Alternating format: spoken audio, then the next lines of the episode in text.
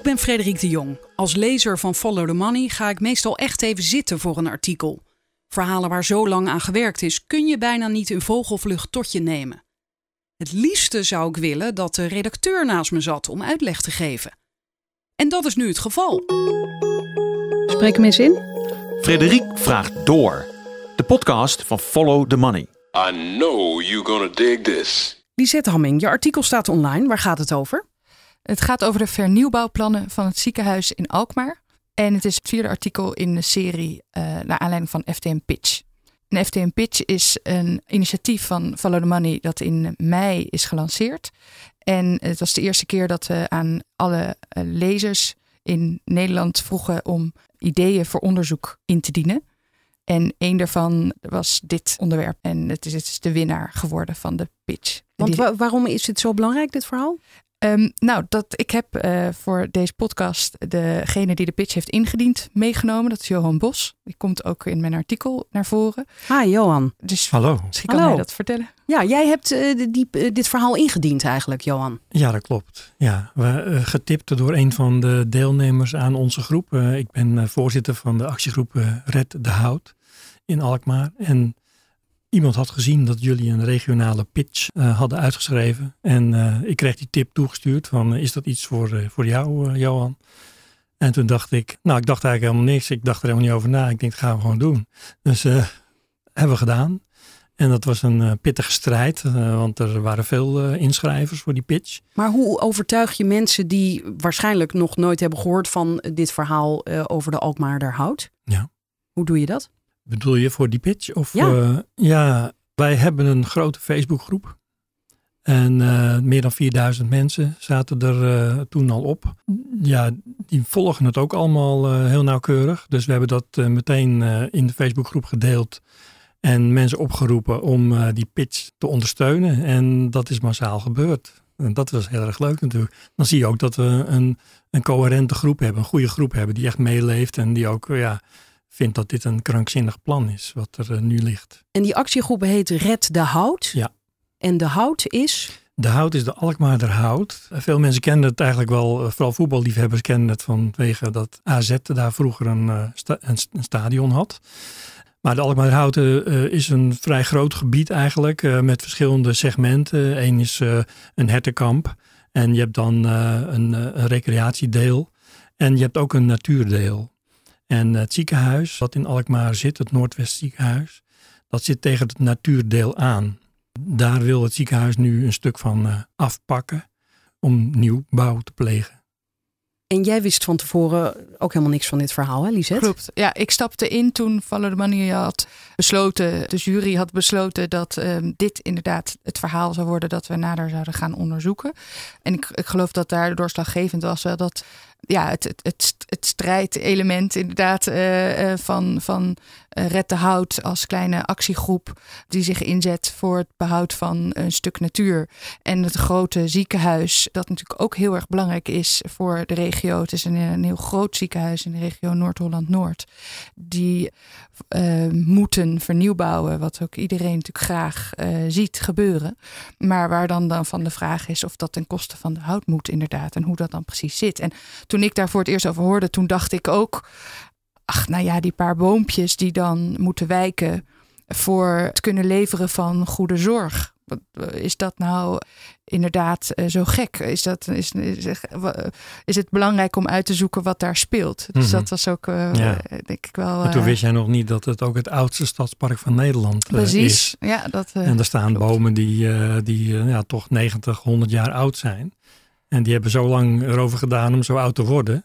En, en, de eiken die daar staan, die kunnen wel 500 jaar worden of 600 jaar en nog wel ouder zelfs als ze in een goede omgeving staan.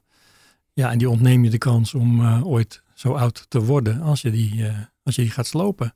Dus uh, ja, zo'n oud stadspark midden in de stad. Hè, het ligt ook eigenlijk in het centrum van Alkmaar. Het is net buiten de Singel. De Singel is het, is het deel waar de, de, zeg maar de Spaanse belegering heeft plaatsgevonden. De Singelgracht, daar werden de Spanjaarden tegengehouden. En net buiten die Singelgracht, dus buiten het echte oude centrum, daar ligt uh, zowel het ziekenhuis als die Alkmaarderhout. En dat is uh, ruim 400 jaar oud. En je bent nu voornamelijk actievoerder, uh, maar je bent ook journalist geweest of nog steeds journalist? Ik ben nog steeds journalist. Ja. Oké, je hebt hier ook wat boeken meegenomen. Ja. Je bent ook schrijver namelijk. Ja, ik heb uh, een aantal boeken in opdracht geschreven. En ik zie hier uh, De Waddenzee, Alkmaar heeft vleugels, Vogels voor elke dag en ook een roman, hè? Nou ja, een thriller eigenlijk. Oh. Ze, ze, noemen het bij, uh, ik mag geen reclame maken, maar bij, uh, bij Bol noemen ze het een literaire thriller. En um, ja, dat, die gaat ook over natuur eigenlijk en over wat wij mensen allemaal aan het doen zijn. En die boeken die je net noemde, dat, uh, dat zie je ook wel, die, die gaan ook eigenlijk over natuur. En ja, mijn leven bestaat voor een groot deel uit taal en natuur en muziek. naast gezinsleven uiteraard. En ja, ik heb daar een enorme passie voor en zo ben ik er ook ingerold eigenlijk. En dat is waarschijnlijk wel goed, Frederik, om er meteen even bij te zeggen dat uh, ook uh, Johan is hier ingebeland. Uh, het was niet zo dat hij al jaren, dat Rettenhout is ontstaan door de strijd die zij voeren tegen de, het weggeven van de hout aan het ziekenhuis voor hun vernieuwbouw. Het is niet dat, de, dat die actiegroep al bestond nee. en zich dus hiermee bezig ging houden. Oké. Okay. Ik ga het artikel lezen en dan kom ik zo bij jullie terug. De titel is 19 jaar twijfel over bouwplannen ziekenhuis Alkmaar snijdt hout. Ze willen de hout slopen voor het ziekenhuis. Johan Bos kijkt naar de hoorn in zijn hand. Het is vrijdagmiddag 30 september 2016. Hij had net zijn computer uitgezet. Zodra de hoorn op de haak ligt, drukt hij weer op de aanknop en maakt Bos de Facebookgroep Red de Hout aan. Tijdens zijn 21 jaar als journalist bij het Noord-Hollands Dagblad hoorde hij nog wel eens wat. Maar de afgelopen jaren heeft hij het veel te druk gehad met zijn bedrijf voor communicatie en advies, het gezinsleven en zijn literaire thriller. Pas toen een oud collega hem opbelde, werd het bos duidelijk dat er iets goed mis is in Alkmaar. Het college heeft 8000 vierkante meter van de Alkmaarderhout, het oudste stadspark van Nederland, weggegeven aan het ziekenhuis zodat het daar kan bouwen. Afspraken hierover tussen het college en het ziekenhuis zijn vastgelegd op 8 juli 2016 en geheim verklaard. Bos schrijft er op felle toon over in de Facebookgroep, wat hem weinig moeite kost, want hij is woedend. Nooit had hij gedacht dat zijn gemeentebestuur zomaar een stuk van het in Alkmaar geliefde stadsbos zou weggeven. De eerste dagen druppelen er in de Facebookgroep Red de Hout een stuk of tien leden per dag binnen. Een week later, op 6 oktober 2016, de dag dat de gemeenteraad de 8000 vierkante meter hout aan het ziekenhuis moet goed of afkeuren, heeft de pagina 1600 leden. Tijdens de raadsvergadering die avond gebruikt Bos namens die 1600 leden zijn drie minuten inspreektijd om de gemeente te waarschuwen. Hij zegt: Onderschat niet wat u te wachten staat aan gedoe en procedures als u vanavond ja zegt tegen deze toezegging van het college. Alleen GroenLinks stemt tegen heeft Alkmaar een deel van het oudste stadspark van Nederland inderdaad, zoals Bos zegt, zomaar weggegeven. Het ziekenhuis wil al sinds de eeuwwisseling vernieuwen. In mijn eerste artikel van FTM Pitch, dubbele punt Alkmaarderhout versus Noordwest Ziekenhuisgroep, verkende ik de situatie in Alkmaar. En in mijn tweede stond ik stil bij het college van Alkmaar dat viel door de beslissing van het ziekenhuis om naar Heer Hugo Waard te vertrekken. In mijn derde artikel beschreef ik hoe de twee gemeenten daarna vijf jaar vochten om het ziekenhuis. Heer Hugo Waard was zelfs bereid om de gemeentegrens te verleggen, zodat baby's die in het nieuwe ziekenhuis geboren zouden worden, Alkmaarder zouden zijn. Ja, dit kan ik me herinneren van ons vorige gesprek. Want dat was een van de bezwaren van de gemeente Alkmaar. Van ja, prima, misschien dat ziekenhuis, maar dan worden die baby's geen Alkmaarders. Maar Herengewaarders. Verschrikkelijk moet dat zijn als je geboren bent als een Herengewaarder. Maar is er zo'n strijd tussen die twee plaatsen? Ja, die twee gemeenten. Nou, Alkmaar sowieso heeft heel veel problemen in de regio. Dat durf ik wel te zeggen. Ik spreek nog wel eens wat mensen. Mede door mijn connecties die ik natuurlijk uit de journalistiek heb overgehouden en nog heb. Maar aan wat voor problemen moet ik dan denken? Nou, eigenlijk allerlei problemen. Alkmaar uh, gedraagt zich altijd uh, ja, een beetje elitair en vanuit de hoogte. En wij zijn een grote gemeente en uh, wij, ja, wij zijn nou bijna beter dan de rest. En uh, dat betekent ook dat ze heel moeilijk allerlei voorzieningen gezamenlijk kunnen oplossen. En dat is al heel lang aan de gang. En het ziekenhuis, dat, dat brengt het eigenlijk heel erg sterk aan het licht. Het is natuurlijk een, echt een, bovenregionale voorziening. En, en, dan ineens blijkt dat er een enorme kenneszin is, een enorme strijd uh, om dat ziekenhuis. Ze willen allemaal die parel, die willen ze in, het, in, in, in, in hun gebied hebben. En nou, Heergewaard was nog, nog niet zozeer uh, strijdvaardige gemeente daarin, Heergewaard, stelde zich open voor, de, voor, nou ja, als jullie een plek zoeken, jullie, ruzie, jullie maken al heel lang ruzie met de gemeente Alkmaar en Alkmaar met jullie. Nou, wij hebben ruimte, uh, je kunt hier terecht. Nou, heeft Heergewaard gezegd, nou, uh, of de gemeente, sorry, het ziekenhuis heeft toen gezegd van ja, dat is, dat is mooi, daar willen we wel eens even over nadenken. En ja, toen is die strijd begonnen, want Alkmaar heeft weliswaar het ziekenhuis echt de stuip op het lijf gejaagd en de gekste dingen gedaan uh, uh, om te voorkomen dat ze een nette oplossing konden vinden. Toen zei het ziekenhuis, nou, nou is het mooi geweest, nou gaan we naar Herengewaard. En toen kregen ze spijt en wilden ze ineens het ziekenhuis terug. En toen is er een soort lokale oorlog ontstaan om het ziekenhuis. Ja, want hier schrijf jij ook, Lisette, maar Alkmaar won. Het kostte heer Hugo Waard 5,5 miljoen euro, waarvan het ziekenhuis in 2018 minder dan de helft terugbetaalde. De megalomane plannen in heer Hugo Waard waren gedoemd te mislukken, vertelt Henk Adriaanse, destijds voorzitter van de Alkmaarse CDA-fractie en groot voorvechter van het behoud van het ziekenhuis in Alkmaar. In dit vierde artikel ga ik op zoek naar de oorzaak van de mislukking en de prijs die hiervoor is betaald.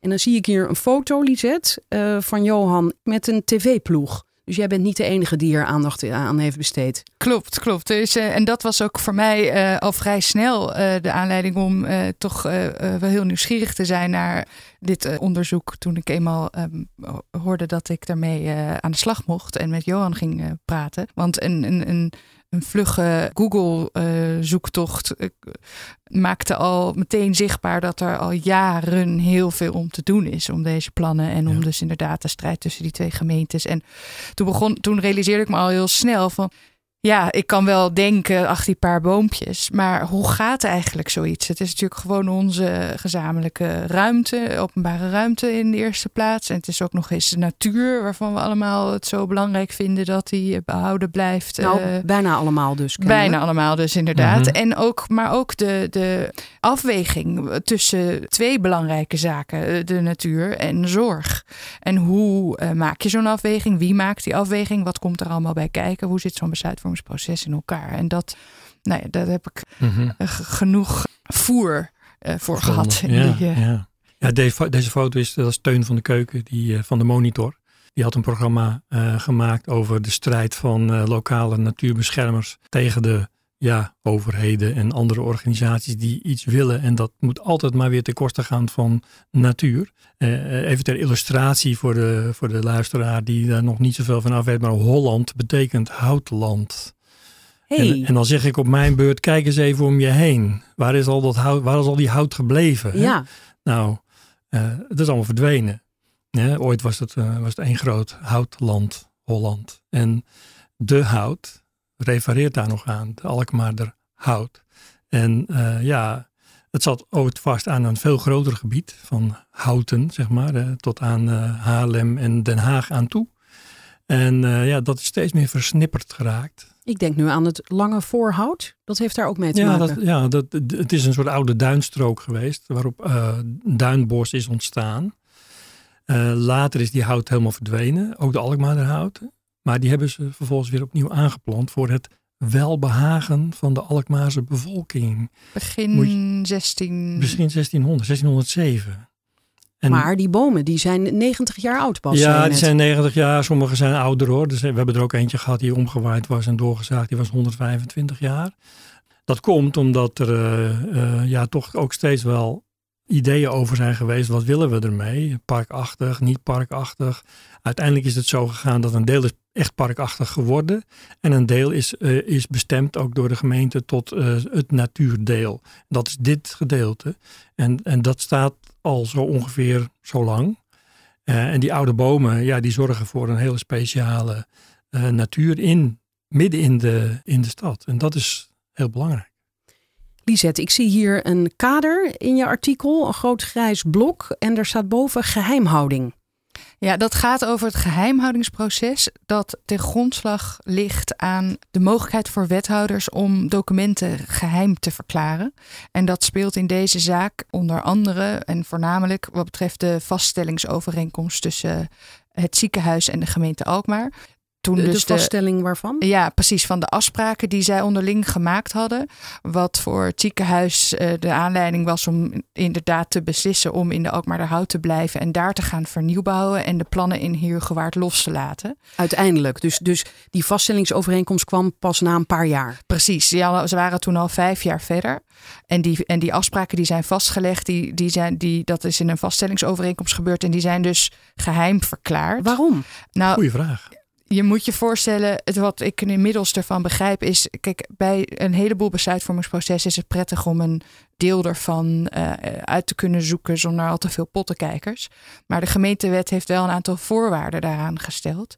Onder andere omdat het voor de gemeenteraadsleden heel belangrijk is om wel de informatie te hebben die zij nodig hebben om de wethouders te kunnen controleren in hun uitvoerende taken. Dus de gemeenteraadsleden zijn afhankelijk van de informatie die zij krijgen om te kunnen controleren. En Want als dan, voor de duidelijkheid, het is geheim eh, niet voor de raadsleden en de wethouders, maar voor het volk. Precies, maar de, de gemeenteraadsleden moeten wel weten wat er in zo'n document staat. Dus die hebben ook in de gemeentewet staat ook geregeld dat de raadsleden moeten eh, bekrachtigen als de wethouders beslissen dat een document geheim blijft, zodat ze het zelf wel kunnen inzien. Alleen ik kwam er onder andere eh, achter dat er heel veel ra- raadsleden waren die, dat, die die vaststellingsovereenkomst helemaal niet zijn gaan inzien. Want die zeggen, nou ja, het gewone volk mag het ook niet weten. Dus dan wil ik het ook niet zien. Nou, dan, dan, dan, dan, ja, precies. Dan wil ik, eh, Ja, ik wil net zijn, zo weinig gewoon, weten. zijn ze gewoon lui? Wat, wat, wat is dit nou? Ja, dat is heel moeilijk na te gaan wat er precies speelt. Als ik het heel kort mag samenvatten, mijn persoonlijke analyse is: ze hebben eh, heel veel frustratie bij elkaar opgewekt, ziekenhuis en gemeente. Ze hebben heel lang met elkaar gesproken over allerlei locaties en steeds is dat allemaal mislukt. En toen koos het ziekenhuis voor Heergewaard en Heergewaard bood die grond aan. En toen, eh, ja, dan hadden ze ineens spijt. Want ja, zo'n ziekenhuis is toch een prestige ding in een stad. Vanuit die spijt eigenlijk, denk ik, eh, hebben ze gedacht, ja, als we ze dan terughalen, dan moeten we ook maar gewoon soepel zijn. En Johan is ook al goed om bij te zeggen dat er inmiddels een nieuw college in Alkmaar zat. Dat is, daar is mijn tweede artikel om gegaan, over gegaan. Dat ehm, het moment dat het ziekenhuis besloot om naar Heerhugowaard te gaan, is het college in Alkmaar gevallen Over die kwestie. over die kwestie. En toen is er een nieuw college, althans de helft is eh, vernieuwd. En daar is ook een nieuwe partij, de onafhankelijke partij Alkmaar, bijgekomen. Opa. OPA. En die hebben zich eh, vanaf het begin af aan al heel, eh, heel ehm, expliciet uitgesproken over het eh, willen behouden. En inmiddels dus het willen terughalen van het ziekenhuis eh, naar Alkmaar. Want het was zo goed voor de lokale economie. Oké, maar, maar we, waren, is, maar goed. we, we waren net bij dat punt. eh, Alkmaar had gewonnen. Toen kwam die vaststellingsovereenkomst. Ja. En, en waarom is die geheim, denk jij? Nou ja, nou ja, waarom geheim? Laat ik, ik wil nog even terugkomen op dat andere punt van eh, ze hadden een soort van spijt en ze wilden dus eh, het dan maar niet al te moeilijk doen. Ja. En diep van binnen was natuurlijk toch ook wel bekend dat de Alkmaarderhout een eh, gevoelige plek is. Het is, het is een historische plek. En als je dat bekend maakt, dan weet je meteen dat je, dat je iedereen in je, in, je, in je nek hebt. Dus ze hebben het geprobeerd via een geheime vaststellingsovereenkomst een beetje stil te houden. En eh, ja, dat ging eh, voor een tijdje goed, maar niet heel lang. Want eh, ik, werd, ik werd er dus over getipt en zo is ook Red de Hout opgericht uiteindelijk. Oh, dus die informatie is ook bij jou gekomen? Ja. Oh, dus het is helemaal niet meer geheim. Nee, nee, we hebben uiteindelijk via de WOP, hebben wij, de Wet Openbaarheid van Bestuur, hebben wij die vaststellingsovereenkomst opgevraagd. En stonden toen- daar hele schokkende dingen in? Ja, zeker wel. Ja, ja er staat dan in letterlijk dat ze 8000 vierkante meter eh, willen verkopen aan het ziekenhuis voor 117 euro per vierkante meter. Dat is een eh, prikkie, dat, Ja. is, dat is voor niks. Eh, en dat is eigenlijk ook staatssteun. Hè? Want, nou, maar dat is een heel ander onderwerp misschien, maar het heeft er ook wel mee te maken. Wat helemaal niet mag, omdat een ziekenhuis gewoon een bedrijf is. En, Dus, di- en eh, dit is dus een toezegging van dat nieuwe college geweest. Eh, dus ik, herhaal het omdat je, je zegt spijt, maar het is dus ook een nieuw college dat dus ook ja, op een andere manier met de, met de zaak om kon gaan. En dat college andere- zit er nu nog. Inmiddels niet meer, want Oh, we zijn dus inmiddels ook alweer... Bij het derde college zijn we nu Ja, we beland. zijn nu bij het derde college beland waar GroenLinks nu ook in zit. Die een- als enige tegengestemd heeft. in, Dus er is iets meer hoop gekomen voor jou? Nou nee hoor, want Oh. Groen- GroenLinks heeft, eh, eh, ik heb ook met ze gesproken. En ja, kijk, we zijn ergens wel blij dat ze in het college zitten, want ze hebben altijd invloed. Maar ze zeggen nu van ja, die beslissing is genomen. Oh ja. En daar, dat, daar, ja. daar kunnen we niet zoveel meer aan doen. Oké, ik lees even verder. Ik kom hier bij het gedeelte bouwplannen afstoffen. Het fusiejaar 2008 was in menig opzicht cruciaal voor het Medisch Centrum Alkmaar, MCA. Bouwplannen voor uitbreiding in de hout had het ziekenhuis al sinds 2000. Door te versmelten met het Gemini ziekenhuis in Den Helder kwam het aantal ziekenhuismedewerkers boven de 4000, omvatte het zorggebied meer dan 335.000 inwoners en bood het ziekenhuis voor topklinische zorg specialisme aan voor de gehele regio Noord-Holland-Noord. Zo'n 1.125.000 inwoners. Tijd om de bouwplannen af te stoffen en aan te passen aan deze nieuwe realiteit. Ja, dus om aan te geven dat die bouwplannen al lang lagen en dat in 2008 er, eh, het ziekenhuis nog groter en nog belangrijker voor de regio is geworden. Bovendien constateerde de Inspectie voor de Gezondheidszorg in het fusiejaar tekortkomingen aan de operatiekamers. Volgens neurochirurg Wie Futan, van 1999 tot en met 2017 werkzaam bij het MCA, waren de gebreken al veel langer bekend. Hij zegt er was onderzoek gedaan naar de leidingen, het materiaal bleek niet goed, de rioolleidingen stonden op knappen. Dan werd gevraagd om zich samen met andere medisch specialisten te buigen over plannen voor nieuwe operatiekamers. En hij zegt erover: de raad van bestuur dacht dat we zouden aanwijzen waar de zeepautomaten moesten hangen. Maar wij zagen meteen dat het dak uit de jaren 70 boven de operatiekamers simpelweg niet gemaakt is om luchtverversingsapparatuur te dragen die aan de moderne eisen voldoet.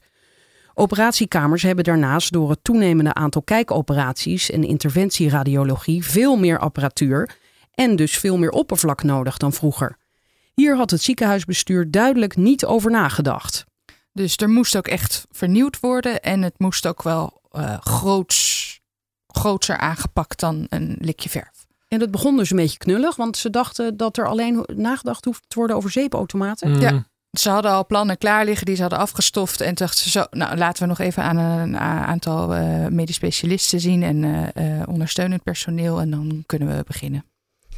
Nico Perenboom, in die tijd lid van de Raad van Toezicht, beaamt dat. Hij zegt: Het bestuur had geen idee wat er in het ziekenhuis speelde. Bestuursvoorzitter Hans Kedzierski stond op zijn zachts gezegd op gespannen voet met de medisch specialisten. De fusie kostte klauwen met geld, terwijl de operatiekamers dringend aan vernieuwing toe waren. Daar waren sommige medisch specialisten helemaal niet blij mee. In 2009 vertrok Kedzierski en werd opgevolgd door interimbestuurder Frits van den Broek.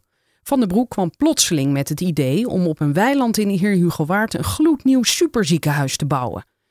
Perenboom kan zich zijn verbazing nog goed herinneren. Er lag al een redelijk uitgewerkt plan voor verbouwing en nieuwbouw in de Alkmaarderhout klaar. Het ziekenhuis was nog in onderhandeling met de gemeente Alkmaar. Bovendien wees alles erop dat ziekenhuizen in de toekomst juist kleiner moesten worden, niet groter. Het plan in Heer Hugo Waard was financieel volstrekt onhaalbaar. Kort na Kedzierski vertrok een tweede bestuurslid. Toen Van den Broek koud een half jaar interimvoorzitter was, vertrok nummer drie. Het ziekenhuis hield zijn kaken stijf op elkaar over de precieze toedracht van deze bestuurscrisis. Intussen was Van den Broek het enige bestuurslid, zegt Perenboom. We praten als raad van toezicht met hem over het plan in Heer. Het gesprek ging over de bouwplannen, niet over de patiënt. Maar niemand van de raad van toezicht verzette zich daartegen. Perenboom was diep teleurgesteld en vertrok uit de raad. Ze zaten er gewoon te zitten in plaats van toezicht te houden. Ja, en we zijn dus in 2000, we zitten nu in 2009, 2010. En ik vond het belangrijk om dit te vertellen, omdat de strijd van Johan nu in 2018, toen ik hem voor het eerst sprak, komt ergens vandaan. De plannen van het ziekenhuis nu komen ergens vandaan. En ik vond het belangrijk om te laten zien dat plannen niet alleen al in Heer Hugo Waard eh, bestonden, maar zelfs daarvoor al. Dus dat iemand ooit begonnen is met de bouwplannen. En ik, ik had al snel door dat dat ook verklaarde waarom nu nog steeds die plannen zo uh, groots zijn, terwijl de vraag is of ze nog steeds zo groot moeten zijn. Klopt. Toch? Ja. Tenminste, dat, uh, Ziekenhuizen worden gewoon steeds kleiner. Ze worden steeds kleiner. Dus die grote plannen van nu, waar dus blijkbaar zelfs de hout voor moet wijken. En ze hebben acht hectare. Hè? Ze hebben acht hectare grond. Die hebben ze Daar al. zitten ze nu op. Ja. Ja. En in het verleden is er al in de jaren 60, 70 al strijd geweest. Toen zei de gemeenteraad, het gaat niet gebeuren. De hout is heilig. Maar uh, ze hebben dus wel acht hectare. En er is ruimte genoeg in, in wezen. Op En je dat- kunt op ook dat omhoog terrein. bouwen? En je kunt ook omhoog bouwen, dat kan ook. Maar je kunt, het is ook uiteindelijk een financieel plaatje. Nu roepen ze natuurlijk van ja, we kunnen die gebouwen die er staan niet zomaar slopen, want er zit nog afschrijving op. Ja, ja, bomen, ja, daar zit geen afschrijving op. Hè. Die kun je zo eh, weghalen. En, en, en zo gaat het eigenlijk altijd. En eh, het is zo dat hier in Amsterdam, zeg maar, ehm, daar hebben ze het, Ooster, het Oosterpark ziekenhuis eh, wilde ook op een gegeven ogenblik vernieuwen. En dat is het, het Ons Lieve Vrouwengasthuis eigenlijk. Hè. En die wilde ook een stuk van het park pakken. Maar toen heeft de gemeente Amsterdam gezegd dat gaat niet gebeuren. En toen hebben ze het opgelost op eigen terrein. Dat kan gewoon opgelost worden, zoiets. En ze vroegen het, ze kregen het niet, dus ze hebben het opgelost. Maar hier is het zo, vanwege die spijt, hè, nog maar even terug te komen op dat spijtverhaal. Dat zit nog steeds dwars. Dat, ja, het- ze willen dat ziekenhuis zo graag hebben dat ze dan maar gewoon ook een stuk van de hout cadeau hebben gedaan. Op 16 augustus 2010 nam Harry Luik het voorzitterschap van Van den Broek over, die toen al bijna een jaar alleen aan het roer stond. Luik had eerder als bestuursvoorzitter van het Kennemer Gasthuis in Haarlem de verantwoordelijkheid over een groot nieuwbouw- en renovatietraject gehad. Hij was dus de aangewezen man om de bouwplannen verder uit te werken. Bovendien moest er schot komen in de fusieplannen die al twee jaar op een laag pitje stonden. Perenboom zegt daarover: terwijl Alkmaar nog haar best deed om het ziekenhuis binnen de gemeentegrenzen te houden, kreeg Luik van zijn voorganger de opdracht om in dat weiland in Heer Hugo Waard een state-of-the-art ziekenhuis te bouwen. Dat sprak luid met zijn achtergrond en enthousiasme natuurlijk wel aan. Op 3 maart 2011 kwam het nieuws naar buiten. Het ziekenhuis verkaste naar Heer Hugo Waard. In 2015 zou daar op 20 hectare weiland een regionaal topklinisch interventiecentrum, RTIC, van 55.000 vierkante meter staan. In een latere fase kwam er een regionaal topklinisch diagnostisch behandelcentrum bij, waar de polyklinieken, radiotherapie en nucleaire geneeskunde uit Alkmaar zich konden vestigen. Het MCA bouwt het ziekenhuis van de toekomst. Geplande opleverdatum 2015 stond er op de borden langs het bouwterrein. De kosten, inclusief de bouwplannen voor het ziekenhuis in Den Helder, 300 miljoen euro. Wat doet Den Helder daar opeens bij? Dat is het ziekenhuis waar het ziekenhuis in Alkmaar mee gefuseerd is in 2008. Aha. Het heet eh, Noordwest Ziekenhuis. Oh ja, dat is net ook genoemd, ja. Deze beslissing was voor coalitiepartijen CDA en VVD in Alkmaar reden om een motie van wantrouwen in te dienen. De PvdA blokkeerde sinds 2004 alle plannen in de hout en andere mogelijkheden binnen de gemeentegrens van Alkmaar. Gesteund door oppositiepartijen SP, Trots en de nieuwe lokale onafhankelijke partij Alkmaar, OPA, bracht de motie het college ten val. Ja, dat vertelden jullie net. Twee weken later al presenteerde de nieuwe coalitie van CDA, VVD, SP, Trots en OPA hun coalitieakkoord en zeiden daarover een nieuwe lente, een nieuw geluid. Met daarin de toezegging dat de Alkmaarderhout beschikbaar bleef als terugvaloptie voor het ziekenhuis. PvdA-fractieleider Paul Verbrugge zei over het akkoord: Het bekt lekker, maar het heeft geen diepgang. Voor het eerst in 64 jaar zat de PvdA, die zich samen met GroenLinks tegen uitbreiding in de hout had verzet, niet meer in het college. Beide partijen moesten leidzaam toezien hoe OPA, die nieuwe partij die voor het eerst in het college zat, de leiding nam. Ja, een nieuwe lente, een nieuw geluid, dat slaat natuurlijk Mooi, ook vooral op. Ja, een nieuwe lente betekent dat de vogels weer gaan fluiten. Maar niet als er geen bomen staan. Nee, het krankzinnige is inderdaad dat, eh, dat eh, als de bomen weg zijn, dat dat nieuwe geluid er niet is. En nou ja, je leest het hier wel hè. Ze willen gewoon de, de hout weggeven. Die optie blijft. Maar ik, ik lees nu dus wel dat niet alleen GroenLinks, maar ook PvdA tegen was. Ja, eh, ik weet niet wat meer precies wat we daar net over gezegd hebben. Maar inderdaad, PvdA en GroenLinks. PvdA was, was vaak tegen, GroenLinks af en toe. En beide partijen zijn dus ja, gewipt door die motie ehm, van CDA en VVD. Waar, naar aanleiding waarvan toen de nieuwe partij eh, toetrad tot het college. Zoals het nieuwe college voorspelde, vertonen de plannen voor het RTIC in oktober 2011 al de eerste barsten. Een consortium van ontwerpers en consultants, ingeschakeld door het ziekenhuis, concludeerde dat de financiële onderbouwing miste en dat het RTIC kleiner moest. Nog een tegenvaller, op de grond van het ziekenhuis in de Alkmaarderhout had de gemeente het recht van eerste koop, waardoor het ziekenhuis de vrijkomende grond bij verhuizing naar Heer Hugo Waard niet aan de hoogste bieder kon verkopen. Adriaanse, toen voorzitter van de CDA-fractie in Alkmaar, zegt: Wij waren niet van plan van dat recht af te zien. De gemeente had al een flink aantal garanties voor leningen aan het ziekenhuis uitstaan. Bovendien had de grond een maatschappelijke bestemming en dat levert een stuk minder op dan een bestemming die de bouw van luxe appartementen toelaat. Loek Winter, hey, waar kennen we die van? Zorgondernemer, timmerde in die tijd flink aan de weg en had net een pijncentrum in Alkmaar geopend. Zorgondernemer Winter zou wel raad weten met die vrijgekomen grond. Dat zat het ziekenhuis vast niet lekker. Ja, en dit zegt uh, Adriaans, hè? Ja.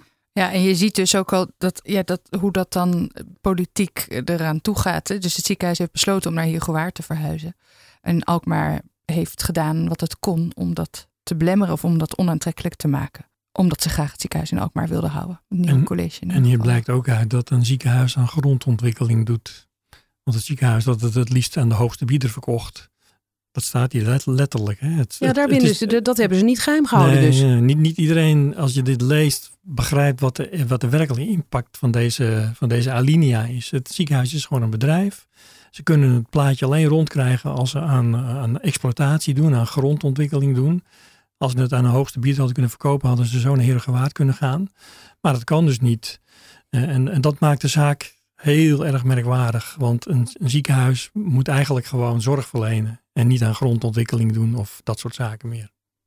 Voor Alkmaar waren de twijfels over de plannen in Heer Hugo Waard reden om in mei 2012 toestemming te geven de terugvaloptie, zoals aangekondigd in het coalitieakkoord, te onderzoeken.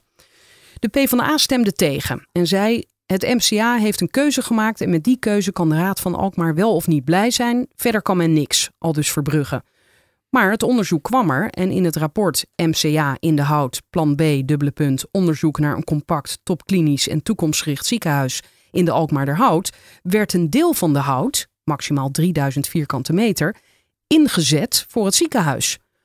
Ook zag het college mogelijkheden voor een gemeentelijke garantstelling aan het ziekenhuis, medefinanciering van een parkeervoorziening waarbij de Alkmaarderhout benut kon worden en de ontwikkeling van commercieel vastgoed op eigen terrein. Oh, Mhm. dit lees ik niet helemaal goed. En de ontwikkeling van commercieel vastgoed. Is, ligt dit in die lijn van Ja, wat jij net uitlegde? Ja, ja, zeker. Ja. Het nieuwe college ging duidelijk een stuk verder dan volgens het oude college mogelijk was. En dat komt volgens jou door die spijt, hè? Mhm. In oktober 2012 werd de terugvaloptie inclusief een eerste schetsontwerp door de gemeenteraad goedgekeurd. De PvdA stemde tegen, dit keer gesteund door GroenLinks en D66. Uit een e-mail van Luik voorafgaand aan de raadsvergadering was gebleken dat de raad van bestuur niet geïnteresseerd was in die terugvaloptie. Bovendien kan raad nog college voor bedrijven beslissen waar ze zich moeten vestigen, ook niet als dat bedrijf een ziekenhuis is. Maar in december 2012 kondigde Luik aan dat een deel van het ziekenhuis, waaronder de polyklinieken, toch in Alkmaar zou blijven. Hierdoor moesten medisch specialisten zorg leveren op drie locaties: in Den Helder, Heer Hugo Waard en Alkmaar. Oh, want stel dat de verhuizing door was gegaan of door zal gaan, dan blijft een deel van het Alkmaarse ziekenhuis altijd bestaan. Dat is het idee. Ze gaan nooit helemaal weg. Mm, Nee, ze wilden een soort van eerste hulp situatie eh, overhouden, want het is toch een stad. En eh, eh, als je voor elk klein dingetje meteen naar Ja, Heergewaard nee, dat zou niet goed zijn. Nee. Hoewel de afstand nog niet eens voor iedereen echt heel veel uitmaakte. Maar ehm, Hoe, hoe- groot is die afstand? ik geloof dat het ook 10 kilometer was ongeveer naar het nieuwe ziekenhuis. eh, wat het dan het nieuwe Hmm. ziekenhuis moest worden in Heergewaard. Zoiets zal het Ja. zijn, ja. Maar dit, eh, blijkbaar was het voor het ziekenhuis aantrekkelijk om toch een deel in Alkmaarderhout te houden. En dit is, als, als ik het goed begrepen heb van de mensen die ik gesproken heb eh, in het ziekenhuis, eh, de, de medewerkers die er nog werken of die al weg zijn, was dit ook voor een heleboel medisch specialisten het begin om zich eh, meer uit te gaan spreken tegen de plannen om naar Heergewaard te verhuizen. Want die drie locaties, dat zagen ze niet zitten. En kwam er toen een, een meerderheid van medewerkers die tegen was? Of is dat niet helemaal duidelijk? Dat is nog steeds eh, ook mij niet helemaal duidelijk, want dat zijn ook allemaal interne documenten en eh, de meningen verschillen erover. En dan is er ook nog, speelt er natuurlijk ook allemaal nog mee of dat dan wel is aangegeven, maar niet is meegenomen. Of wel is aangegeven, meegenomen, maar er niet naar geluisterd is. Ik heb wel, eh, en dat is het kader wat hier, hieronder staat, het volgende grijze blok. Medische staf bemoeit zich met de nieuwbouw uitgevonden dat er eh, in die jaren vanaf de verhuizing naar Heelgewaard al een heleboel weerstand tegen de plannen om naar Heelgewaard te verhuizen waren. Ja, Vanaf- je zegt vanaf de verhuizing, vanaf het idee om Sorry, te verhuizen. vanaf het Ja. idee om te verhuizen. Ja. daar, daar gaat ook nog een, een chronische roddel over. Oh, vertel. Dat die eh, specialisten eh, het is roddel, hè, maar ik geloof er ook wel wat van. Die, eh, die wonen in mooie huizen, niet al te ver van het ziekenhuis af. En ze dienen ook binnen een bepaalde tijd in het ziekenhuis te zijn als ze opgeroepen worden. Uh, Heergewaard ligt daar net buiten. Dus dat betekent dat ze dan eigenlijk, als ze binnen die aanrijdtijd willen blijven, dan zouden ze naar Heergewaard moeten verhuizen. Nou, maar Nou, daar zat helemaal niemand op te Moet wachten. ik dat geloven? Want dat Nou, gaat dus om 10 kilometer, zeggen jullie. Ja, ja, Dat rij je toch zo? Ja, je rijdt het zo. Maar de, de regel is de regel. Ja. Je dient binnen een bepaalde straal, dien je te wonen. Nou, maar nog los van de- deze roddel, van de weerstand die er misschien op dat eh, stuk zat. Van eh, het is te ver voor ons, toch? Want daar Mhm. komt dat dan op neer. Heb jij ze daar naar gevraagd? De medisch specialisten die ik gesproken heb, eh, zeiden dat inderdaad die drie locaties eh, door veel specialisten als heel onhandig werd ervaren. Maar ze spraken ook uit dat het leveren van zorg, ja, dat ze dat gewoon leveren eh, waar, waar ze dat ook moeten doen. Dus ik, ik, ik weet daar dus ook het fijne niet van. Maar ik, Deze roddel had jij nog niet gehoord. Jawel, alleen ja, god, het is natuurlijk heel moeilijk om, om dat Ja. hard te krijgen. Nee, we Eh, hebben ze het hier wel alleen veel over macht, hè. feiten. Maar ja, dat is waar. Maar de specialisten hebben veel macht. En ik, maar ik kwam dus wel door die interne stukken achter dat er wel weerstand was. En die was gebaseerd op de financiën. Inderdaad, dus de harde feiten en de harde cijfers. Omdat eh, veel eh, adviesbureaus, waaronder TNO, aangaven dat de eh, financiering gewoon niet rond kon komen. Bovenop alle andere Bezwaren. Ja, dan En hebben we dit, stuk eh, dit, dit stuk behandeld inderdaad. Daaronder zie ik eh, wat foto's. Eens even kijken. Oh, dit, een stuk snelweg zie ik. Wat ja, is dat is eh, de ambulance afrit. Ehm, Toerit. Ja. Ja, dus ik Afrit, dat het officieel afrit noemen. Eh, naar dat, dat nieuwe ziekenhuis in Heergewaard dat er nooit gekomen is. Maar dit eh, stuk voor de ambulance, dat ligt er nog. Oh, Dus mooi. dat, eh, zover waren ze al eh, bij het uitvoeren van de plannen. Maar de financiering lag wat achter op schema. Het ziekenhuis voerde in 2012 gesprekken met twee consortia van banken over de bouwplannen in Heer Hugo Waard met het streven begin 2013 de financiering rond te hebben. 2013 begon met een heel andere boodschap. Vanaf januari tot en met maart 2014 volgde het ene na het andere negatieve advies over de bouwplannen. Dat blijkt uit documenten in handen van Follow the Money. Die tegenwind kwam zowel van de medisch specialisten als van externe adviseurs, waaronder TNO. De raad van bestuur van het ziekenhuis negeerde hun boodschap stelselmatig. In 2015, het jaar dat het nieuwe state-of-the-art RTIC zijn deuren had moeten openen, was de financiering nog steeds niet rond. Naar het weiland in Heer Hugo Waard lag inmiddels de ambulanceafrit al gereed. Ja, inderdaad, die zagen we net, maar er was nog geen steen gelegd.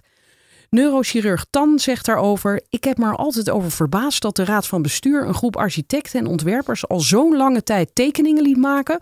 Tot op het niveau dat een binnenhuisarchitect presentaties komt geven over de kleuren van de muren. als je de financiën nog niet rond hebt. Op 12 oktober 2015 ging niet Luik, maar econoom Joop Hendricks, sinds maart lid van de Raad van Bestuur, naar het maandelijks overleg met heer Hugo. Hij had een onaangename mededeling. Er werd een periode van herbezinning ingelast, omdat er een afwijzend advies van de medische staf was ontvangen. De financiering bleek een probleem, onder andere omdat daarbij de steun van de medische staf belangrijk was, lichtte Hendricks toe. Eind december, oorspronkelijk de deadline voor oplevering, werd de knoop doorgehakt. De voorzitter van de Raad van Bestuur, Luik, verdween van het toneel, al bleef hij officieel nog tot 15 augustus 2016 betrokken als adviseur van het ziekenhuis. Tan, we grapten dat het goed was als Luik als adviseur aanbleef, zo wisten we wat we niet moesten doen. Oh, lekker. In april 2016 werd Hendricks officieel bestuursvoorzitter. Het duurde tot juli van dat jaar voordat het ziekenhuis, inmiddels omgedoopt tot de Noordwest Ziekenhuisgroep, besloot om de plannen voor de bouw van het RTIC in Heer Hugo Waard helemaal af te blazen. De bouwplannen in Heer Hugo Waard zijn financieel niet haalbaar. Vernieuwbouw in de Alkmaarderhout is de enige begaanbare weg, omdat grondige verbouwing op de huidige plek in de hout ongeveer de helft kost, vertelde de nieuwe bestuursvoorzitter Hendricks op het persconferentie. Hoeveel was er aan de plannen in Waard uitgegeven? 20 miljoen euro. Maar daarvan kan een deel mee naar Alkmaar, antwoordde Hendricks. Het goede aan de vertraging is dat er nu meer draagvlak is. Mhm. Ja, minder draagvlak kon niet. Dus Ja, precies. Dus Nou. dat zijn inderdaad de drie dingen die ik dan meteen eh, eh, interessant vind. Het ene is, er was al weinig draagvlak, eh, weten we inmiddels, door, door al die eh, adviezen die genegeerd zijn. Daar blijkt dat eh, wel. En twee andere dingen vind ik hier interessant aan. Het eerste is dat ze zeggen dat de um, grondige verbouwing op de huidige plek in de hout ongeveer de helft kost. Maar we weten allemaal vandaag de dag nog steeds niet wat nou precies de bedragen zijn waar we het over hebben voor die bouwplannen. Nee. Dat is ook waarom ik in het stuk in het kader daaronder nog uh, over de financiën wat um, geschreven heb. Omdat wat we wel weten, bijvoorbeeld, is dat er in het jaarverslag van 2017 staat dat er nog ruim 300 miljoen euro aan investeringen nodig zijn voor alle bouwplannen, dus zowel in Alkmaar als in Den Helder en het uh, onderhoud uh, op die twee locaties. Dus dat is om überhaupt te kunnen beginnen met vernieuwbouw, moet er eerst nou, 300 is, miljoen in? Uh, precies, het is, het is uh, omdat dus nergens zwart op wit staat hoe duur de plannen nou gaan zijn, moeten we het dus maar met dat soort afgeleiden doen. En er is dus, staat in, die, in dat jaarverslag, 300 miljoen nodig om de bouwplannen te kunnen verwezenlijken. En die 300 miljoen hadden ze ook nodig voor hun plannen in Heerhugowaard, Alkmaar en Den Helder. Dus ik begon meteen te denken van nou, dat is eigenlijk niet echt heel veel minder. Terwijl die nieuwe bestuursvoorzitter dus zei, nou in de hout gaat het ons de helft minder kosten. Terwijl totaal verschilt het niet dus, uh, veel van elkaar. Dus ja, voor, voor iemand die net moest, uh, heeft moeten concluderen dat de financiering voor die 300 miljoen die ze toen nodig hadden niet rondkwam, vond ik het interessant om te zien dat ze een jaar later eigenlijk nog steeds zo'n soort bedrag nodig hebben. En hoe gaan ze die financiering daar dan van rondkrijgen? Um, en het derde, tot slot, uh, uit deze alinea vind ik interessant. En dat ze die 20 miljoen die ze al hebben uitgegeven voor die plannen in Heergewaard, dat ze daarover zeggen dat daar een deel van mee kan naar Alkmaar. Wat betekent dat? Betekent dat dat je dus de plannen die je al gemaakt hebt, dat je die dus nu in Alkmaar wil gaan uitvoeren? Misschien de ontwerpen dan Precies, of zo. Dat kan ik me nog voorstellen. Ja, maar, maar is een totaal andere situatie. En daar, dat is natuurlijk een van de um, uh, redenen waarom uh, Red Hout zo, zo boos is. Want die zegt, ja, jullie komen hier met plannen aan die uh, helemaal niet geschikt zijn voor deze locatie. En het ziekenhuis, het zou natuurlijk best kunnen dat het ziekenhuis daarmee de kosten die ze al gemaakt hebben, tenminste nog een beetje binnen de perken kunnen houden voor de, voor de volgende fase. Want ja, dus ze hebben die plannen toch al liggen. Als ze die kunnen gebruiken, dan hoef je ze niet opnieuw te laten maken. Maar je vraagt je in algemene zin af, als je dit zo leest, hè, hoe goed is er überhaupt nagedacht over het hele verhaal? Want um, er was een waslijst opgesteld door het ziekenhuis aan bezwaren tegen bouw in de Alkmaarderhout. Toen wij daarachter kwamen dat die waslijst bestond, heb ik hem snel gedownload van de, van de site van het ziekenhuis. De volgende dag was hij weggehaald. Ah. Want toen hadden ze besloten om uh, in Alkmaar te gaan bouwen en, bouwen. en toen bestond ineens bestonden al die bezwaren niet meer eerst zo'n zo'n zo'n zo'n gigantisch ziekenhuis in Heergewaard uh, bedenken. En dan ineens veel kleiner in Alkmaar. Hoe goed is er nagedacht? Dat, je vraagt je echt af. Het zijn hele goede artsen allemaal, die mensen die daar werken. Dat mag ik hopen, maar van ja. dit soort dingen hebben ze het lijkt wel of ze helemaal geen verstand hebben. Want, want de ontwikkelingen gaan ook heel erg snel.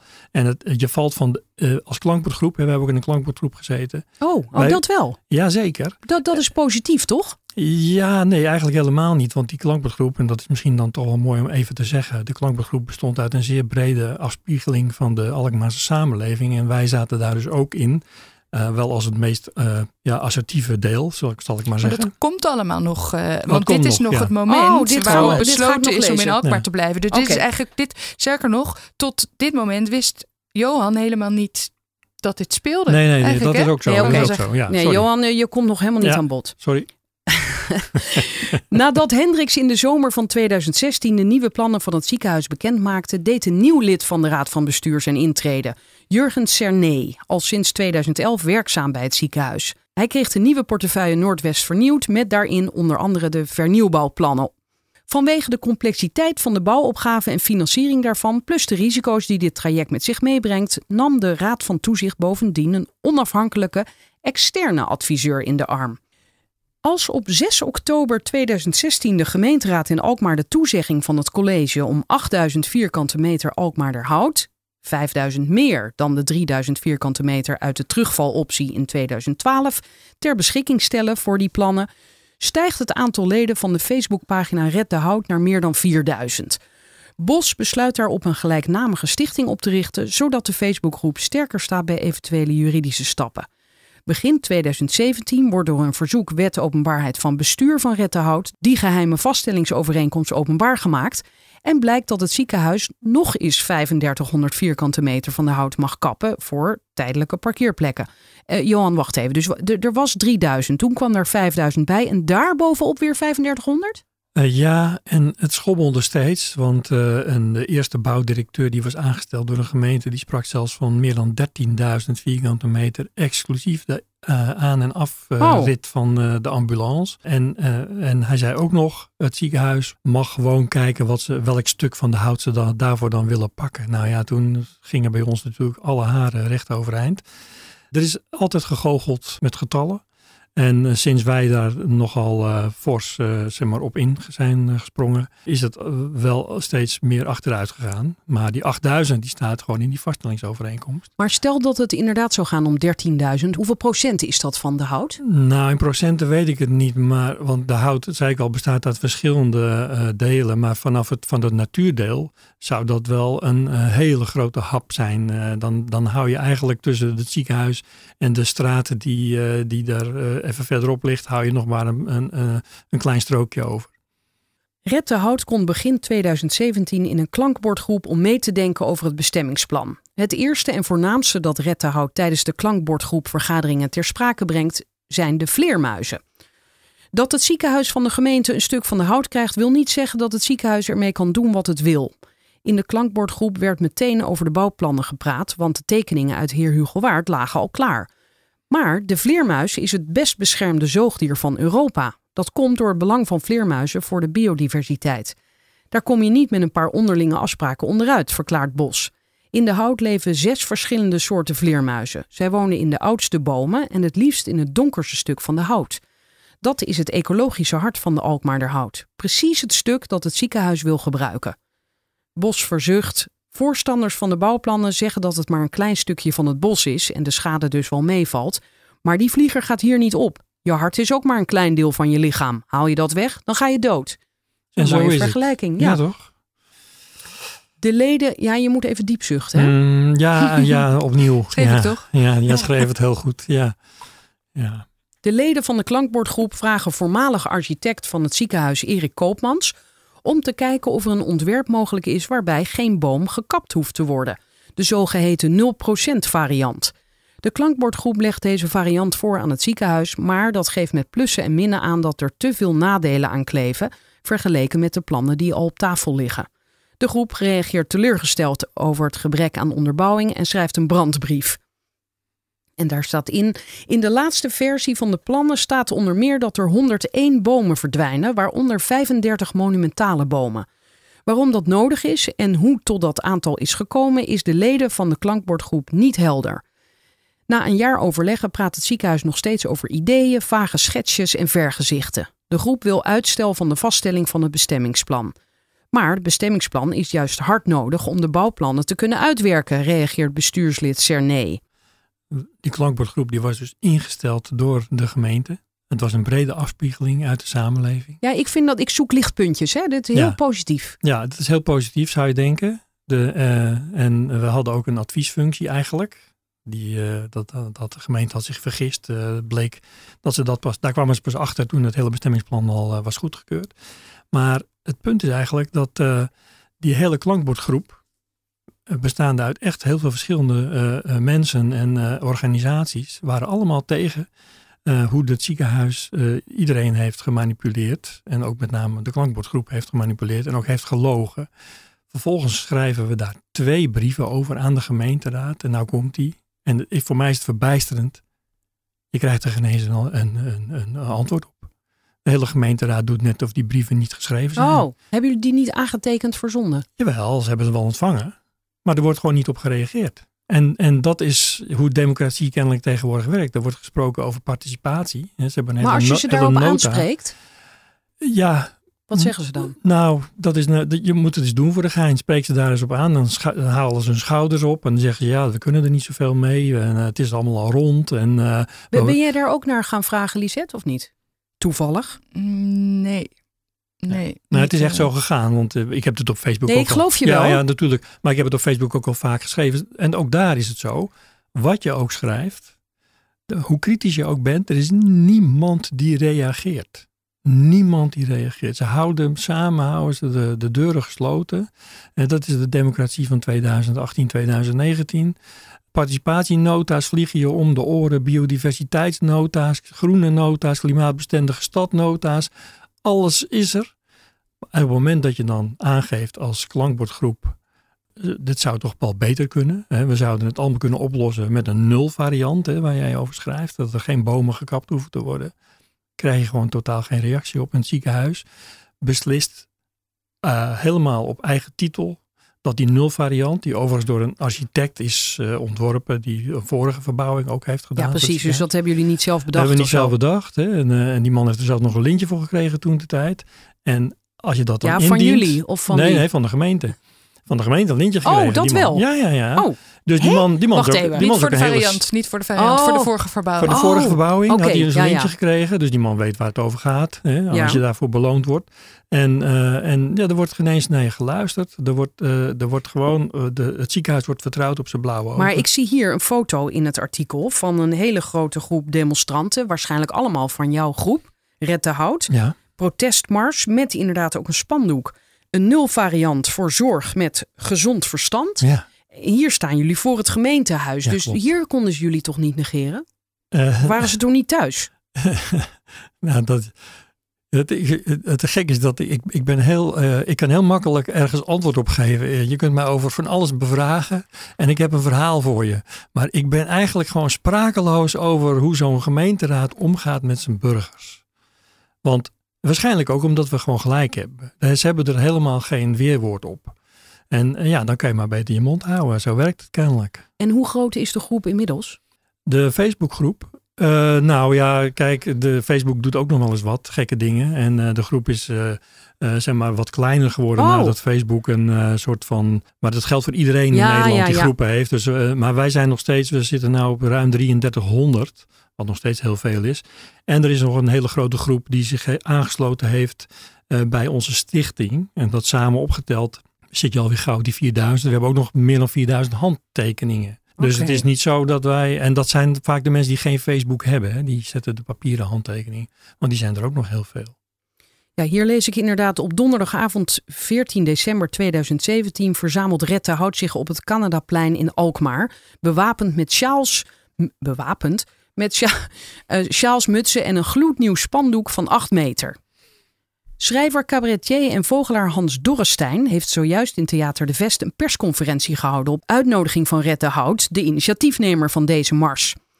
Dorrestein maakt zich kwaad over de gemeenteraad van Alkmaar als deze toestaat dat er weer een stuk onvervangbare natuur plaats moet maken voor beton.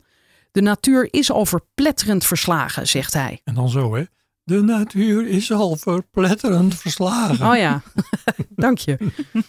Vanaf het Canadaplein is het vier minuten lopen naar het stadhuis aan de Lange Straat, waar de gemeenteraad die avond in de raadzaal zal stemmen. Het ziekenhuis wordt zo'n 20% kleiner, maar voor de bouwplannen mag het ruim 5000 nieuwe vierkante meter, dit keer dus 2000.900 vierkante meter minder dan die 8000 uit de vaststellingsovereenkomst, benutten. Enkele bezorgde inwoners van Alkmaar sluiten aan. Om stipt kwart voor zeven loopt Bos met ruim 50 mannen en vrouwen naar hun stadhuis, het gloednieuwe spandoek hoog boven de hoofden. Het mag niet mee het stadhuis in. Als de raadsvergadering begint, maakt Bos wederom gebruik van zijn drie minuten spreektijd. Meteen na bestuurder Cerné, die de raad verzekert dat deze avond voor het ziekenhuis een zeer belangrijke avond is. Bos beklaagt zich over het gebrek aan inspraak. Zijn stem trilt van frustratie. Het grootste bouwproject ooit in onze kaasstad en in bovendien het meest kwetsbare stuk van de hout. Het bestemmingsplan moet volgens de afspraken met het ziekenhuis voor 1 februari 2018 worden goedgekeurd. Dat lukt. Alleen de vier raadsleden van GroenLinks stemmen tegen. Een flinke nederlaag voor de actiegroep. Maar die legt zich hier niet bij neer. Red de Hout gaat tegen het bestemmingsplan in beroep bij de afdeling bestuursrechtspraak van de Raad van State. Die zal controleren of de gemeente bij de totstandkoming van het bestemmingsplan alle belangen voldoende heeft afgewogen. Mhm. Dus, eh, eh, Dat, eh, dat speelt, dat loopt nu nog. Dat loopt nu nog, ja. Ja. Volgende week. eh, zal- en dit was dus december 2017. Uh, ze ze um, lopen dus uh, in die mars naar de gemeenteraad, het gemeentehuis. het gemeentehuis. Ja. En uh, vervolgens, als het ware, door naar de Raad van State. En dat hadden we al wel aangekondigd van tevoren. Dus ze hadden ook slim kunnen zijn en kunnen denken, nou ja, misschien toch nog eens naar die nulvariant kijken. Kunnen we voorkomen dat we met z'n allen bij de Raad van State terechtkomen. Wij waren niet de enige die naar de Raad van State zijn gegaan. er was nog een groep Animo. Dat zijn de gezamenlijke natuurorganisaties van Alkmaar. En er was nog een bewonersvereniging, uh, Metiusgracht. Die Metiusgracht zit pal naast het ziekenhuis. En uh, die hadden ook uh, bezwaar gemaakt, maar dat ging vooral over parkeren en dat soort zaken meer. En maar, maar, waarom zijn jullie niet gefuseerd voor dat moment, voor de Raad van State? M met elkaar? nee, de, we hadden wel, Animo en Rette Hout hadden wel over, overlappende bezwaren. maar we hadden ook wel verschillende dingen. Of is het juist beter om met meerdere... Het is, goed, het is zeker goed om te laten zien dat er meerdere partijen zijn. Okay. Het kost je wel meer geld natuurlijk, want elke partij moet zijn griffierecht betalen. Wat kost dat? 300 nog wat. Ik weet niet helemaal precies. Wij, wij uh, ik moet zeggen, uh, en ook bedanken onze, onze groep. Die hebben heel veel geld bij elkaar gebracht voor ons. We hadden echt een, we hebben een, ja, een oorlogspot. Dus wij kunnen nog wel even doorgaan met, met procederen. Op een even zo koude dag in januari dit jaar, na een lang vooronderzoek door de afdeling, is dan eindelijk de zitting in het Witte Paleis van de Raad van State in Den Haag. Oké, dit is dus de zitting, die is al geweest en de uitspraak die volgt dan rond 20 februari. Ja. Oké. Klokslag 10 uur nemen drie leden van de raad en de griffier plaats op het podium. Onder het publiek bevinden zich ambtenaren, managers van het ziekenhuis, leden van de belangengroepen en enkele belangstellenden. Vooraan zitten de afgevaardigden. Zowel de gemeente als het ziekenhuis heeft een advocaat meegenomen. De partijen mogen vandaag alleen nieuwe punten aandragen. Gebouwbewonende en boombewonende gewone grootoorvleermuizen maken nauwelijks gebruik van elkaars woonplaatsen, stelt Red de Hout op basis van recent onderzoek. Er wordt gelachen als een van de raadsleden daarop bekend dat hij elke zitting wel iets leert. Omdat boombewonende gewone grootoorvleermuizen alleen kunnen wonen op de plek waar ze geboren zijn, zullen ze geen gebruik maken van de vleermuiskasten die het ziekenhuis aan de buitenkant van zijn muren heeft opgehangen, probeert Rettehout uit te leggen. Als daar in het bestemmingsplan geen rekening mee wordt gehouden, dan zitten we hier weer, maakt het raadslid het af. Rettehout kan namelijk tegen de omgevingsvergunning wederom in beroep bij de Raad van State. Daarna. Oh, je wou het zeggen? Nee, dat klopt. Ja, we kunnen okay. dat nogmaals doen. Ja. Daarna, weet Rettehout maar al te goed, kan ze zelfs nog doorstromen naar de Europese Commissie, omdat de vleermuis door Europese regelgeving beschermd wordt. Straks gaat het allemaal nog goed komen dankzij een vleermuis. Nou ja, kijk, dit is, uh, wel, het is uh, toch even een interessant punt waar ik wel iets over wil zeggen. het is overigens het Europese uh, Hof hè, waar je dan naartoe moet. De Europese Commissie gaat meer over staatssteun. Wat ook hier aan de orde is. Maar die vleermuis, wij hebben van begin af aan, dat, dat merkte je ook al toen jij in het begin voorlas, hebben wij ingezet op die vleermuizen. en dat is omdat daarmee heb je de langste adem. Want de vleermuis is het best beschermde zoogdier van heel Europa. En alle soorten vleermuizen die er zijn, die zijn allemaal even goed beschermd. En in de hout zitten er dus zes verschillende soorten. Wat slim. Wanneer heb jij dit ontdekt?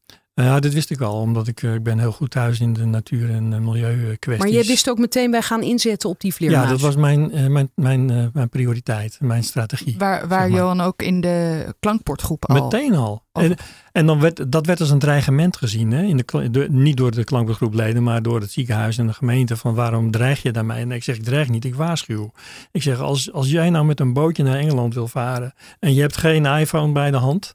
om te zien of er, een, of er buien op de zee zijn die een gevaar zijn. En ik weet het toevallig wel. En ik zeg tegen jou, je moet vandaag niet gaan, want er is, hè, er is storm op zee. Is dat dan een dreigement of is dat een waarschuwing? Nou, het waren sprakeloos. Ik zeg, dit is, dit is gewoon een waarschuwing. Die mensen hebben echt geen leven meer door jou, hè? Ja, nou, ik heel denk, goed. Ja, ja, maar, Pak ze aan. Ja, je moet ze aanpakken. Want uh, kijk, zij leven in een heel andere wereld. En ik snap het ergens ook wel. Want het is een gigantisch proces om zo'n zo'n ziekenhuis te vernieuwen. En uh, de logistiek en geld en uh, noem het allemaal op. En ik heb er ook wel bewondering en respect voor dat die mensen dat allemaal willen doen. Ook voor de zorg. Dat is allemaal oké. Okay. maar daarmee leven ze ook in een bubbel. Ze kijken niet om zich heen. De Europese wet is de Europese wet. En daar dienen we ons allemaal aan te houden. En die vleermuizen zijn gewoon de best beschermde zoogdieren. En die mag je niet zomaar uh, in hun levensomstandigheden bedreigen. Want dan heb je een probleem. Dus als je daar dan tijdig voor waarschuwt in zo'n klankbegroep, dan zou zo'n ziekenhuis eigenlijk moeten zeggen: Nou, dankjewel, dankjewel. dat is goed dat, dat, je dat zegt. Dan kunnen we die nulvariant uitvoeren en dan uh, hebben we geen, geen gedoe. Jullie halen ons niet voor de rechter. Kunnen we snel door, hebben een oplossing. Maar nee hoor. Maar gaat dit dan om ego's? Uh, ook wel natuurlijk. En um, uh, ik weet, ja, het is toch, toch niet gewoon onnozelheid. Nou ja, nou, weet ik, je. ik kan het toch niet helpen om, en daarom heb ik daar ook uh, over geschreven, om um, in ieder geval mee te nemen dat de, uh, dit allemaal voortkomt uit beslissingen die uh, dus zijn vastgelegd in die vaststellingsovereenkomsten en genomen zijn door een college van wethouders waar een relatief nieuwe partij het uh, de leiding had. En ik, Opa. Ik, opa, die, die onafhankelijke partij arbeid en uh, Alkmaar. En die, um, ja, die, die, die relatief weinig bestuurservaring had. Zeker, zeker vergeleken met de Partij van de Arbeid, die uh, er al meer dan 60 jaar zat. En die dus heel goed weet wat wel en niet mogelijk is. En dat, ik, dat, dat heeft ook zijn nadelen, natuurlijk, vast. Mm -hmm. Ik bedoel, je, je, je, je um, waarschijnlijk verwoordde uh, opa wel allerlei sentimenten die speelden, die ook speelden. Alleen, ja, kan toch niet uh, um, laten om te denken dat ze misschien ook wel meer meer hebben beloofd dan formeel mogelijk is. De andere recente ontwikkeling die Rettenhout aanvoert is de staatssteundiscussie. Die is ontstaan door vragen in de Alkmaarse gemeenteraad. Rettenhout keerde de spaarpot om en vroeg landsadvocaat meester Allard Knook, gespecialiseerd in staatssteun en Europees recht, de vaststellingsovereenkomst te bekijken. Knook concludeerde dat de steun van het college bij de bouwplannen van het ziekenhuis inderdaad te ver is gegaan. Het college zou het ziekenhuis steunen door de kosten voor ontsluiting van het nieuwe ziekenhuis op zich te nemen, 60 miljoen euro garantie toe te zeggen, en de 8000 vierkante meter van de hout zonder voorafgaande taxatie te verkopen. Bos speelde deze conclusie aanvankelijk in het geheim door aan de ChristenUnie en de Partij voor de Dieren, de twee nieuwe partijen in de Alkmaarse gemeenteraad na de gemeenteraadsverkiezingen van vorig jaar, en dus, al dus Johan, niet besmet met de toezeggingen van de gemeente. Het college won naar aanleiding van de vragen van de ChristenUnie en de Partij voor de Dieren adviezen in bij advocatenkantoor Loyens en Loef. Nee, dat is jouw oude werkgever, Lisette. Ja. En concludeerde nogmaals dat er geen sprake is van ongeoorloofde staatssteun. In discussie tussen twee advocatenkantoren concludeert de afdeling op haar beurt tijdens de zitting na dit alles te hebben aangehoord. De gemeente voegt toe dat bovendien niet in redelijkheid te voorzien was dat het bestemmingsplan financieel niet uitvoerbaar is zonder de steun.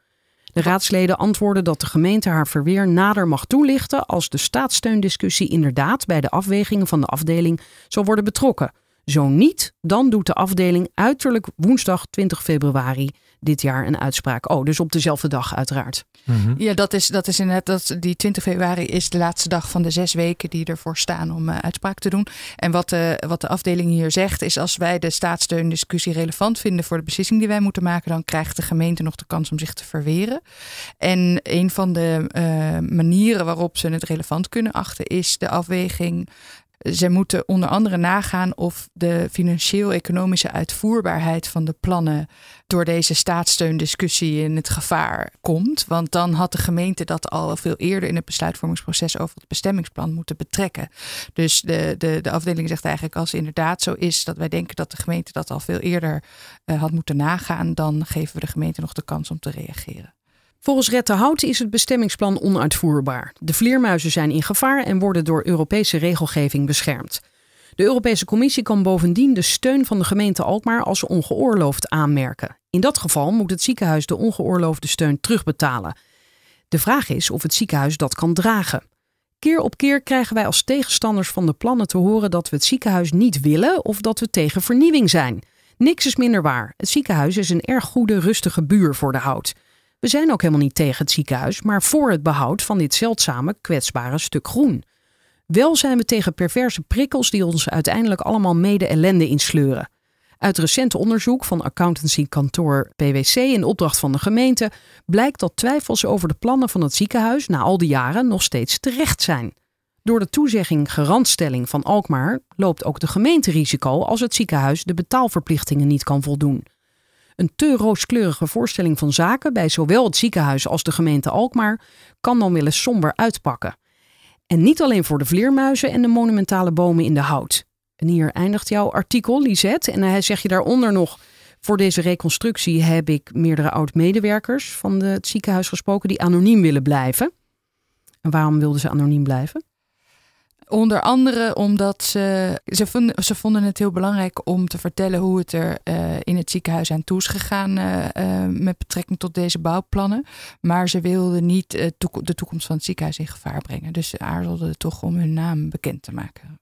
En ik lees hier na de uitspraak van de Raad van State organiseert Follow the Money een debat in Alkmaar over deze slepende zaak. Volg mij en je krijgt tegen die tijd een seintje. En dat ben jij dan, Lisette. Maar als, als dit een gunstige, ook als het een gunstige aflopen heeft voor Red de Hout, Johan? Mm, dat, Ik wel. Ik wil daar graag nog over in gesprek ook. Ja, want ja, kijk, wij ook hoor. Het, uh, um, ik, Johan is, de, is de, de tipgever, de aanleiding van dit onderzoek. Maar het is vanaf begin af aan al duidelijk geweest. Uh, voor mij natuurlijk als journalist, maar ook voor Johan. Dat uh, wij dit, ja, de tip uitvoerig en onafhankelijk gaan onderzoeken. dus ja, voor mij is het ook interessant om verder te praten als Red de Hout en de andere partijen die in beroep zijn gegaan bij de Raad van State in het ongelijk zijn gesteld. Van wat wat ja, zijn dan nee, de gevolgen kijk, daarvan? Ja. Precies, dan, maar dan speelt de kwestie ook nog. Maar Ja. als er nou een voor jullie gunstige uitspraak komt, dan, Mhm. dan is het toch klaar of niet?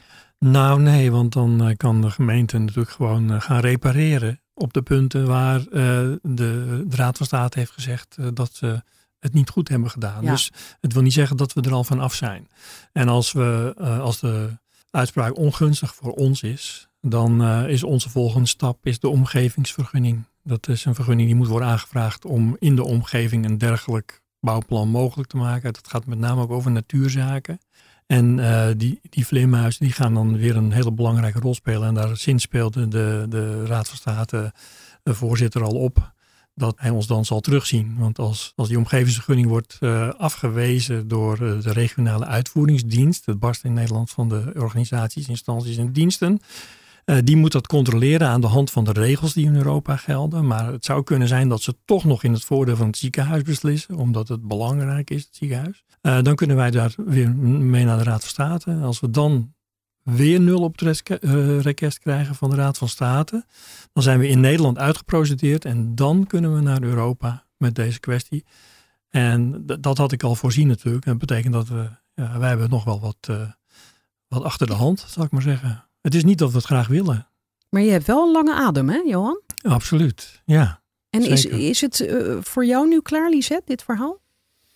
Nou, ik, ik, zal, ik blijf het graag op de voet volgen. Nee, natuurlijk die uitspraak en Eh. zo. Maar je hebt nu een serie van vier gemaakt. Ehm, nou, er zijn twee eh, thema's die eh, voor mij, ehm, ja, die, die ik niet los zal laten hierna. Dat is dus die geheimhoudingsprocedure, die vind ik ontzettend interessant. En eh, ik heb ook van collega's gehoord dat dit ook in andere gemeentes speelt. Absoluut. En dat het, ja, er, zitten, er zijn vaak, er is vaak sprake van documenten die geheim zijn verklaard. Nou, daar wil dat ik- nou eigenlijk? Dan kom ik toch even terug op, want ik las er net even Mhm. overheen. Nou, niet overheen, maar ik las even door. Eh, Bos speelde deze conclusie aanvankelijk in het geheim door aan de ChristenUnie en de Partij voor de Dieren. Toen dacht ik wel even, ga jij nou ook al geheim, geheime dingen doen? Nee, kijk. Dat, dat was een, staat hier dus. Ja, het staat er wel, maar het, ehm, en dat is heel goed uit te leggen. Het is een strategische zet. Kijk, eh, in- ik ken eh Alkmaar. Ja, maar zo, zo, eh, acteert de gemeente dus ook. Die ja, kunnen dat ook zeggen. Ja, dat was strategisch. ja maar, maar zij hebben eigenlijk helemaal geen recht van spreken met hun geheimzinnigheid. Hè? En jij wel. Nou ja, wij hebben wel recht van spreken, want wij, moeten, eh, wij zijn reactief. Hè? Wij moeten alles maar zien te achterhalen. Hè? Dus eh, alles wordt geheim gehouden. En als wij daar niet achteraan hadden gezeten, hadden we nooit al die stukken te pakken gekregen. Die twee partijen waren nieuw. Wij weten gewoon, eh, en ik weet het sowieso. en ik, ja, ik, ik, heb al heel wat politiek langs zien komen in mijn carrière als journalist. De boodschapper of de boodschap. Hè? Dus op het moment dat, dat wij die boodschap hadden gebracht open, dan waren we als boodschapper meteen afgefakkeld. Het is ook gebeurd. En dat is ook- en het werd achteraf alsnog het gedaan. Oh. Eh, er wordt niet gekeken naar de inhoud. Wij hebben meneer Knook eh, die toch echt een expert is op dit gebied. En hij zei ook in het gesprek dat ik met hem had, zei hij van normaal zit ik aan de andere kant van de tafel. Hè, dan werk ik voor gemeenten en overheden, want ze zijn landsadvocaat. En wat Hij- vond hij daarvan? Nou, hij vond het wel grappig dat hij nou een keer aan de andere kant van de tafel kon gaan zitten. En hij zegt, eh, hij zegt ik doe het even goed met, eh, met plezier. De gemeente Alkmaar zal er niet blij van worden, zei hij nog. En, en door die oorlogskas konden jullie hem betalen? Ja, ja, ja, ja het is, eh, hij is niet goedkoop. En, en, en, en hij kan het ook niet maken als, als landsadvocaat en als expert om een verhaaltje op te hangen. Eh, de- omdat wij hem betalen, dat hij dan ga, iets gaat roepen over ja, nee, het kan allemaal niet en zo. Nou, zo werkt dat natuurlijk niet. Die man kan dat absoluut niet maken. Jullie Dat- kunnen daar geen invloed op uitoefenen. Natuurlijk niet, Eh, want het, het- het- hij is de landsadvocaat. Hij zou wel, bedoel, dan is het klaar met hun bureau als ze zich laten betalen. Als hij zijn hele een- carrière voor een paar vleermuizen... ja, dus dat, zo werkt opgeven. het niet. Dus hij heeft er gewoon hij heeft er eh, onafhankelijk naar gekeken. We hebben hem de stukken gegeven. Hij kwam met het oordeel dat de staatssteun op rust. De gemeente Alkmaar denkt er dus weer heel anders over. Maar zo denkt Alkmaar overal anders over. Je komt er niet doorheen als je, als je niet een goede strategie ook hebt. Je moet, je moet ook strategisch zijn. En die strategie was inderdaad nu die twee partijen die helemaal nieuw blanco waren. Die, het zijn gemeenteraadsleden. Gemeenteraadsleden mogen alles vragen. En die moeten serieus genomen worden. Ze zijn gekozen. En wij zijn maar een actiegroep. Dus, eh, maar tussen aanhalingstekens natuurlijk. Maar goed, eh, wij hebben het hun toegespeeld en tegen ze gezegd van nou, eh, je mag kiezen, je hoeft het niet te doen. Je bent er helemaal vrij in, hè, want we, dwingen ook niet. Maar als je het doet, dan houden we het even onder ons. Dan gaan we eerst kijken hoe daarop wordt gereageerd. En daarna eh, Ik Ja. snap het, ja. ja, willen wij het gewoon En prijsgeven. dit Dus- is ook de, de tweede eh, stok die Red de Hout nog heeft om mee te slaan als de uitspraak van de Raad van State niet in ja, jullie voordeel. En, en hier wil ik ook nog over zeggen dat dit is een van de dingen die Follow the Money zeker heeft opgeleverd. Hè? Want eh, toen eh Lisette haar eerste verhaal had geschreven, wij worden, ik word in ieder geval vooral, wij, maar ik, ik als kopman, voorzitter, krijg je meldingen uit het hele land, hè? echt waar. En een van de meldingen was van een meneer eh, ergens in Nederland die ook eh, een probleem had met eh, zijn overheid daar lokaal, zeg maar. En die tipte ons van, je zou eens moeten gaan kijken naar staatssteun. Die had het artikel van eh, Lisette gelezen. Oh, wat goed. En die, eh, die duikelde mij op via internet. En ik heb nog steeds een relatie met die man. En, eh, dus Nee, maar denk- ik zie opeens ook kansen voor deze podcast, Johan. Want jij hebt dus een enorm netwerk. Dus ga jij nu zorgen dat deze, dit gesprek van ons viral gaat? gaan Daar we zit zeker ik dus proberen. heel erg op te hopen. Ja. Ja, ja. Nou ja, kijk, kijk, ik ben ook journalist natuurlijk en ik vind sowieso Follow the Money vind ik een, een waanzinnig goed initiatief.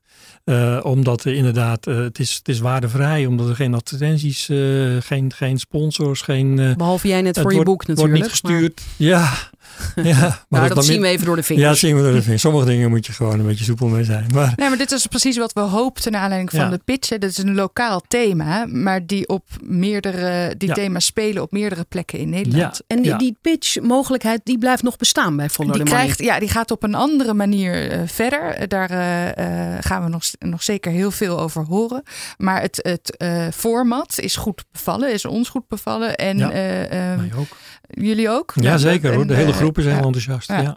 Nou ja, en, en eh, de lezers ook, denk ik dat we wel kunnen concluderen aan dat het, het is goed gelezen. En ehm, vooral voor ons ook belangrijk, de reacties erop eh, geven dus inderdaad aan dat het een manier is om ehm, lokale thema's eh, landelijker te trekken, waardoor je ook op andere plekken betrokkenheid krijgt.